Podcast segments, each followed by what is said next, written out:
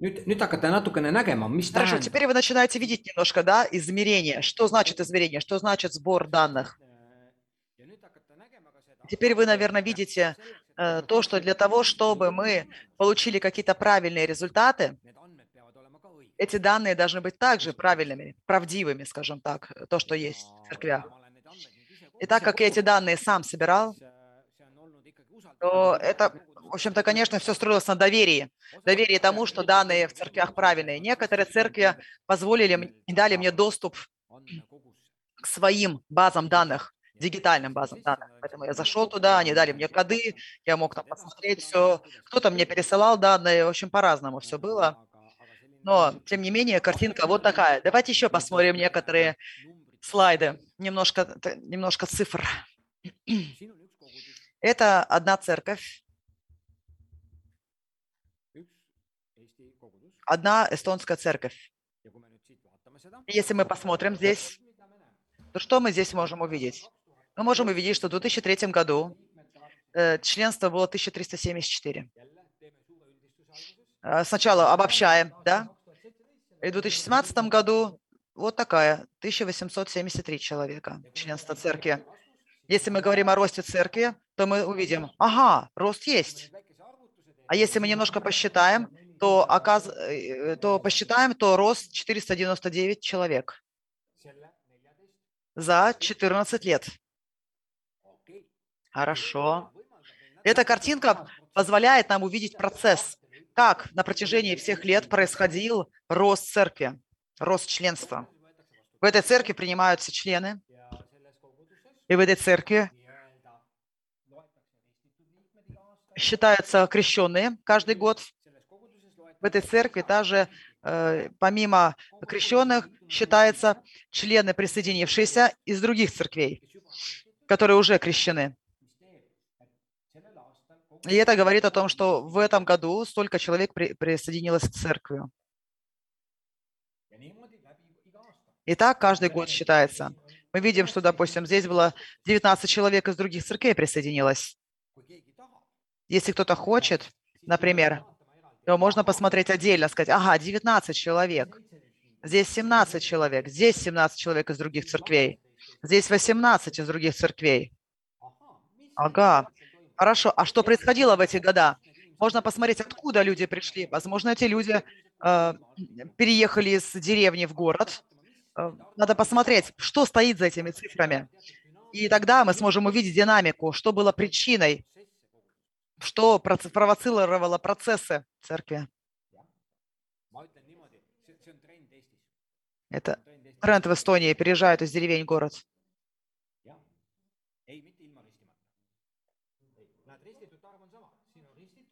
Э, Здесь кре- крещенные, крещенные, и это из других людей, и это общее число, которое присоединилось к церкви.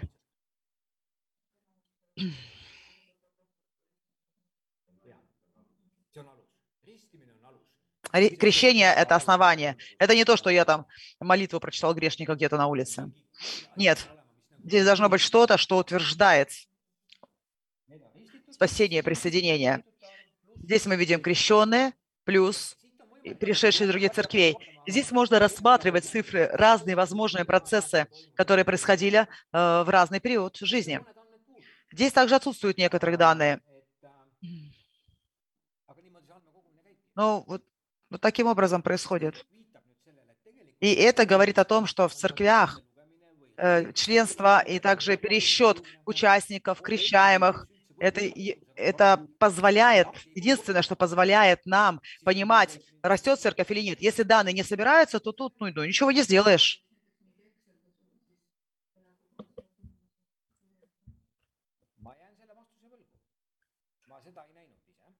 Не слышала вопрос.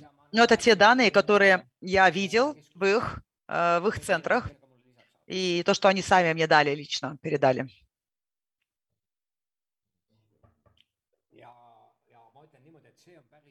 И могу сказать, что это очень э, хороший, хоро- хороший сбор данных вот в этой церкви. И считается, что эта церковь очень точная, она очень хороша в сборе данных, очень пункту- пунктуальная. Во многих церквях нет вообще такого пересчета.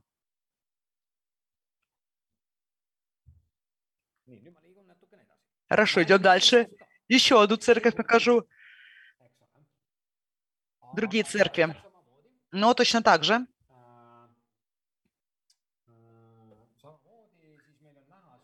Точно так же мы видим количество членов. И в 2017 это маленькая деревенская церквушечка. Если вы подумаете, за 14 лет церковь выросла почти на 100%. Два раза. Это очень значимый рост. Может показаться, ой, что тут такие за циферки маленькие. Но в контексте этой церкви это очень хороший результат. Что мы можем посмотреть? Мы можем посмотреть 17, 18, 19, 20. Ага, опа, резкий рост такой. 22, 26. Четыре человека присоединилось. Теперь опять идет примерно по одному, по одному. Ага, здесь ноль. Здесь опять мы видим э, резкий рост. Здесь, может быть, одна семья пришла, или что здесь могло произойти? Можно предположить, да? Если мы знаем жизнь церкви, можем только подумать, как это все происходит, как это могло бы происходить. И тут мы видим стабильный рост. Что-то они делают для того, чтобы человек один хотя бы пришел в церковь. Теперь, помимо этого, мы видим здесь э, количество э, крещенных, и мы видим, ага, некоторые года они вообще ничего, никого не крестили, а, значит, наверное, тогда пришли из других церквей.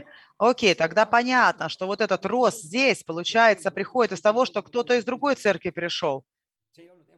Это не было евангельским ростом, не через распространение Евангелия, да? И вот, вот такое рассмотрева- рассматривание вот, этих, вот этой даты позволяет нам увидеть какие-то процессы. Я думаю, большинство из вас, скорее всего, никогда не рассматривали церкви в таком контексте. Или кто-то рассматривал церкви так? Ты так рассматривал, да? Я, я занимался этим, занимался этим.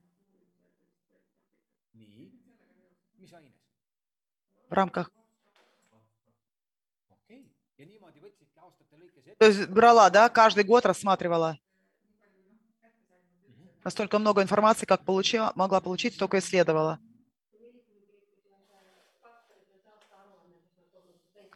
Но у нас есть также в церкви э, годовые отчеты, мы точно так же пишем.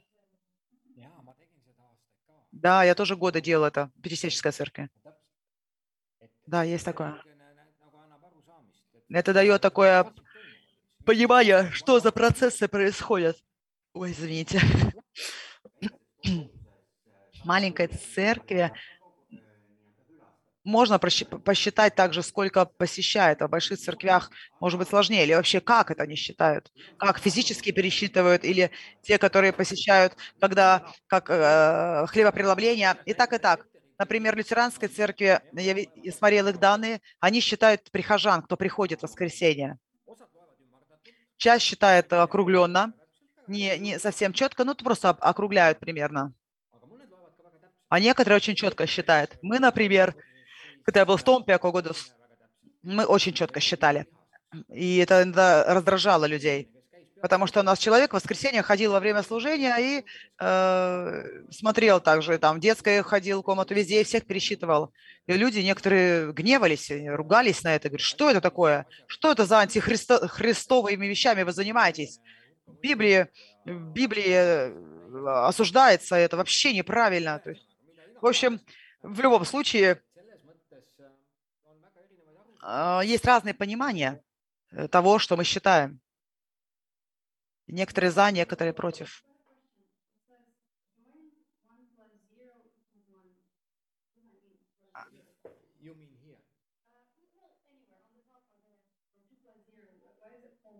Э,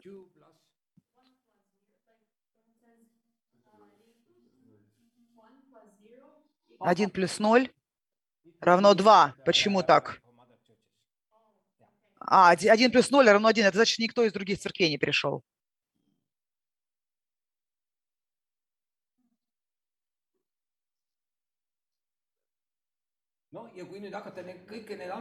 Если рассматривать эти данные, то в какой-то момент мы можем увидеть, что в некоторых данных нам нужно еще какую-то дополнительную информацию получить. Может быть, есть люди, которые ушли, кого отчислили из церкви. Если мы будем считать только те, кого крестили, кто присоединился к церкви, то получим мы неправильные э, данные. Нам нужно увидеть, откуда эти люди пришли. Кто это такие? Они умирают, люди, или уходят от церкви. То есть в одной церкви э, допустим, не, вообще не упоминается, что кто-то ушел, и если, если не упоминается, что кто-то ушел или кто-то умер, то я не верю этим данным. В реальной жизни происходит движение, все равно, хочешь ты, не хочешь. Поэтому теперь такой вопрос. Нам нужно принять решение, не сегодня в классе, конечно, но вообще, в принципе, если мы хотим заниматься ростом церкви, и очень аккуратно хотим заниматься, очень точно, мы должны понимать, какие данные мы берем в расчет. Крещенные люди или, или, или будем рассчитывать тогда прихожан. Можем, конечно, разные данные считать. И там вообще, ну, тоже было бы интересно рассматривать все это. Мы должны иметь данные, которые мы можем регулярно собирать. Хорошо, пойдемте с вами дальше. Здесь есть э, баптистская церковь, э, некоторые церкви баптистской церкви, э, несколько общины баптистской церкви. И я хочу вам показать эти церкви больше, конечно, которые растут у них, но некоторые хочу вам видеть вот эту, чтобы вы видели эту численность, какая разная численность, и это только растущие церкви, которые мы сейчас с вами рассматриваем.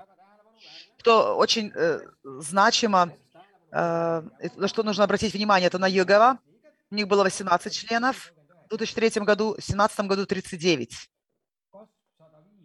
На 105% произошел рост.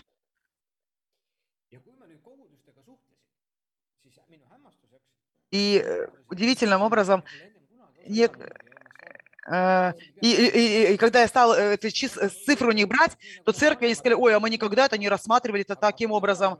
А, что мы не знали, что мы так выросли. Это как, знаете, родители смотрят э, своих детей, они растут, и они не замечают, когда, допустим, кто-то приезжает со стороны, говорит, ой, как дети выросли, а для нас это естественно. Поэтому нам нужно рассматривать иногда процессы, проценты, и тогда мы будем понимать, что, ой, а вот эта церковь выросла вот так, а это выросла так, и ты процентуально видишь, допустим, церковь э, выросла на один человек только, да, допустим, за, за 14 лет. И, И э, один человек – это тоже уже результат, потому что, как уже сказано было, большинство церквей, они уменьшаются в Эстонии. Поэтому можно сказать, что это тоже позитивный результат, положительный результат. И мой интерес, я потом вам, конечно, э, попозже покажу вам свою исследовательскую работу. Мне было интересно как раз исследовать вот эти растущие церкви и узнать, что их характеризует. Я потом презентую вам мои результаты. Хорошо, давайте теперь пойдем к историческим данным.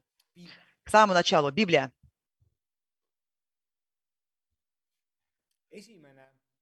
Первое.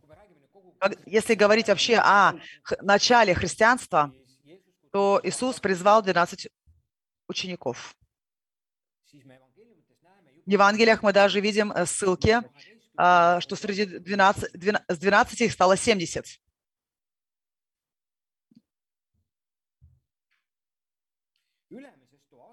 Э, верхней горнице день Пятидесятницы было собрано 120 человек уже, 120 учеников. 120 учеников собрались после смерти Христа.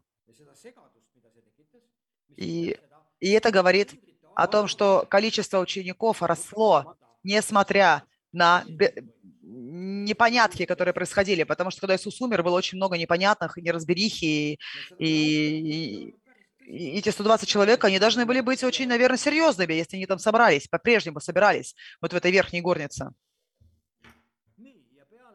Хорошо. И после Дня Пятидесятницы э, возникла Иерусалимская церковь, и в первыми, первые дни обратилось 3000 э, людей.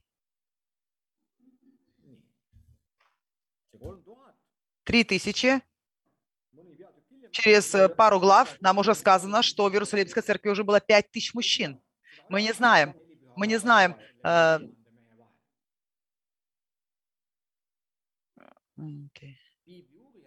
Исследователи Библии говорят, что 5 тысяч – это были только мужчины, плюс еще женщины и дети. Некоторые считают, что это что где-то 20 тысяч людей было в общем. Тяжело сказать здесь. Но так говорят. Так говорят.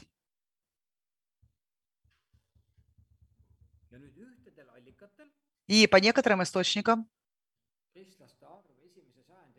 Э, к концу первого века количество христиан было 25 тысяч примерно. И к третьему веку, к концу третьему веку примерно 20 миллионов. Здесь разные, конечно же, данные, поэтому давайте не будем слишком много внимания обращать на эти цифры, иначе мы можем с вами в заблуждение впасть. Но Библия, kasv Библия э, говорит нам о том, что церковь росла, и это понятно. Церковь росла. Хорошо. В книге «Деяния апостолов» мы видим фазы роста. Помните? Деяния апостолов 1.8. Кто-то знает э, по памяти, что там сказано было?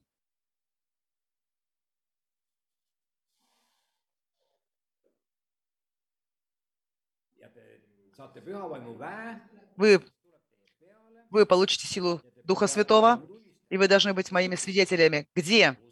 В Иерусалиме, в Иудее, Самарии, до конца земли. У меня такое ощущение, что Агу включен наушник и э, рядом с микрофоном стоит, и как будто бы слышу дубляж. Не знаю, кто-то может посмотреть, проверить, если это нормально будет.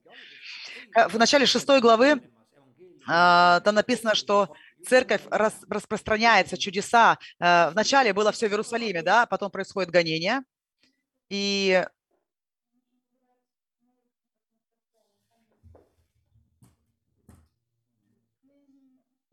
lülita, peab vist lülitama välja, muidu ma kuulen ennast seal mikri. ahah, aitäh.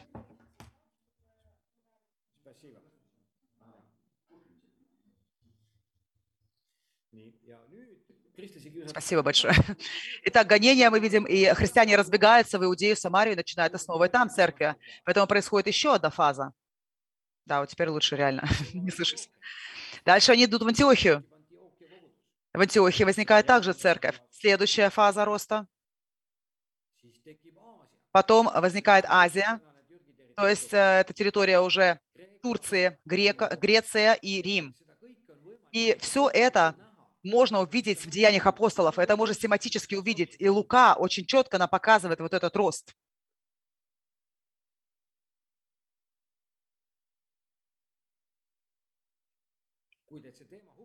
Если вас интересует эта тема. Даже если просто, когда вы будете писать эссе или чисто для себя, для своего личного образования, я просто рекомендую вам изучить книгу «Деяния апостолов» и посмотреть вот это сквозь, посмотреть вот это начало и конец. А а промежутки не, чит- пром- промежутки не читайте, да? Хоть и мы читаем, конечно, все, но тем не менее. vaadata Ну, посмотрите и рассмотрите, как описывается вот этот конец фазы роста, как описывается начало и конец, как пишется начало и конец. И мы начнем увидеть определенную систематичность. Мы увидим определенное какое-то построение.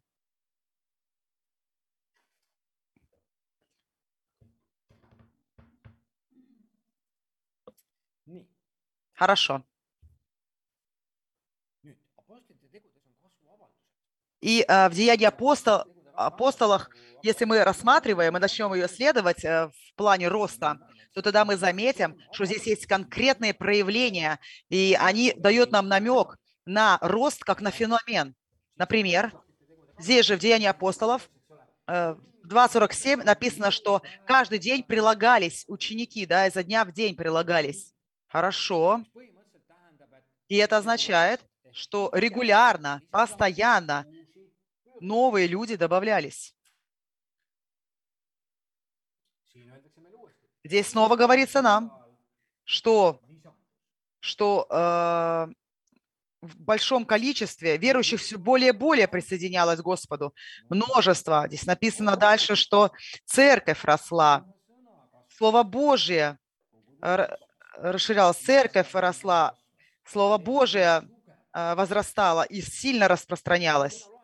И когда я все это читаю, то у меня здесь появляется искушение, что книга «Деяния апостолов» это, это как, э, знаете, история, история э, роста. И, в общем-то, наверное, так оно и есть. Мы, мы можем, може- мы можем по-разному называть «Деяния апостолов», там, миссионерская история или какая-то другая история, но мы можем увидеть на протяжении всего деяния рост. И рост был в начальной церкви, а это было естественной частью начальной церкви. И Лука очень четко нам показывает.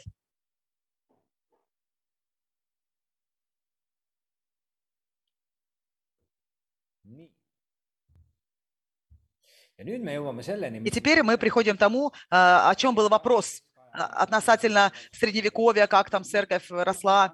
Теперь я хочу вам дать такой краткий обзор а, этапов истории церкви. Каким, об- каким образом мы даже сма- рассматривать рост церкви? Три этапа, которые я хочу рассмотреть. И они такие. Первое, первый этап церкви – это с первого по четвертый век, ранняя церковь. Это Константин, правление Константина.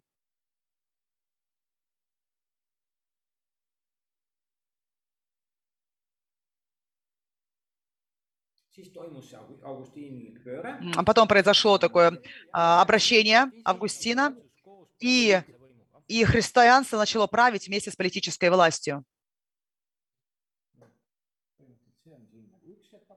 То есть это первый этап, можно сказать. Это еще один этап. И это третий этап. Это сегодняшний день.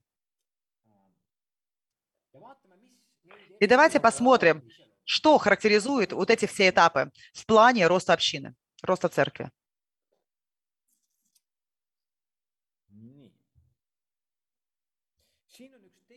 Здесь еще есть один,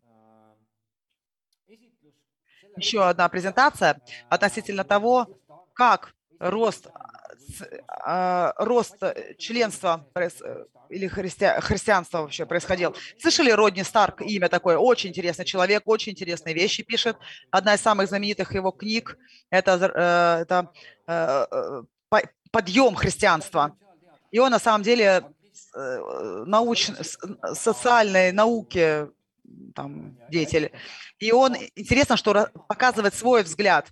Его взгляд, конечно, во мне поднимает несколько вопросов. Например, он говорит, что в сороковом году христиан было всего лишь тысяча. Здесь у меня вопрос, потому что в Иерусалимской церкви в то время времени уже э, действовала на, на протяжении семи лет, работала семь лет. И библейские данные говорят, что в первый день уже обратилось три тысячи, потом пять тысяч, поэтому как, как тут, эти цифры как-то не соотносятся, и я здесь не могу дать ответ на самом деле, но это как бы, да, под вопросом у меня. Потом он говорит, к сотому году христиан могло бы быть 7500, к 200 218 тысяч, 300 6,3 миллиона. И он говорит, что вот здесь как раз произошла, произошел переворот. И он опирается на разные источники. И одно его утверждение э, говорит, что вот в этом веке произошло просто взрывной рост произошел. Видите, почему он произошел? Потому что примерно в 250 году начали строить первые здания, которые мы, под которые мы сегодня подразумеваем церкви, то есть публичные э, места для сбора христиан. До того момента христианство росло через домашние группы. А здесь, а здесь родились уже церкви. И он говорит, что э, много археологов и ар- археологических данных как раз-таки говорит о том, что вот в это время произошло взрыв- взрывной рост христианства за счет строительства. И э, за счет этого христианское оно могло достичь общества. Когда ты находишься в домашней группе, ты не идешь в общество. И э, когда началось строительство церквей, как раз-таки произошел вот этот взрывной рост. И он говорит, что после этого, после того, как riigi kristluse riigi э, как- когда э, э, хри- христианство стало официальной религией, тогда, тогда э, христианство начало расти. Я не вижу эти циферки. И тогда уже стало как бы нормальной частью э, общественности. И тогда очень много появилось такого номинального христианства, когда люди просто формально себя считали христианами, э, потому что как бы так надо было, а в сердце таковыми не являлись. Поэтому если вы начнете читать, то вы найдете такие источники. Теперь тогда как, как мы можем толковать и Библию, и все источники, которые у нас есть? У меня нет ответа на сегодня.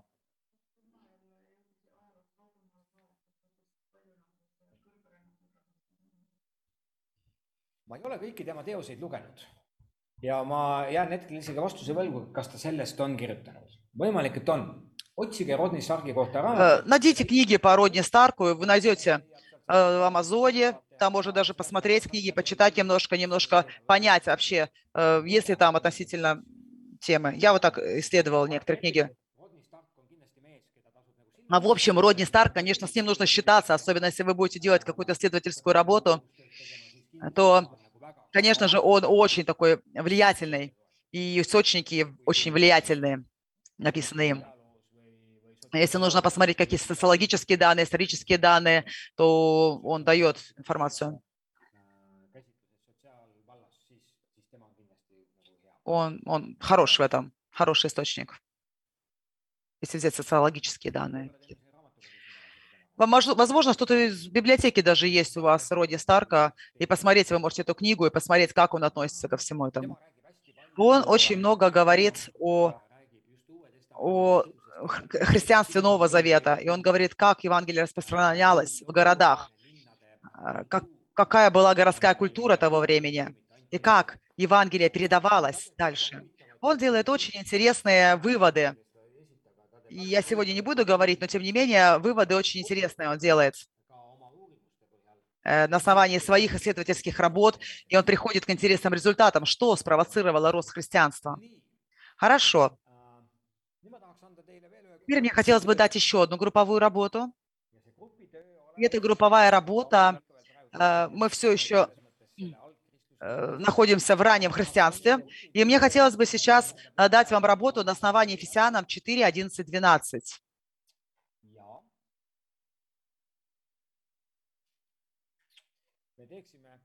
И я давайте те же самые группы сформируем. Так будет проще всего. У вас Библия с собой, у вас есть местописание, это не чуждое какое-то, не новое местописание. Теперь у меня просьба. Откройте местописание и попробуйте в группах ответить на два вопроса. Э, две роли, руководящих роли там описаны. Там перечислены они. Не описаны, но перечислены. Да? И, и что мне хочется, чтобы вы сделали? Мне хочется, чтобы вы, чтобы вы на основании вот этих трех временных отрезков проанализировали, какие из пяти ролей, в какие временные этапы были самыми главными, какие были доминирующие из пяти вот этих ролей, руководящих ролей, ролей, да. Поэтому Вам нужно, наверное, открыть будет русский Moodle, чтобы вы могли эти э, периоды посмотреть на русском языке. В общем, надо посмотреть. Тогда Здесь второе – это христианство правило вместе с политической властью. Третье – это уже постхристианское общество наше время. И первое – это ранняя церковь. И прежде чем мы закончим сегодня, а, я потом покажу вам еще три этапа. Хорошо. Теперь тогда дам вам 7 минут.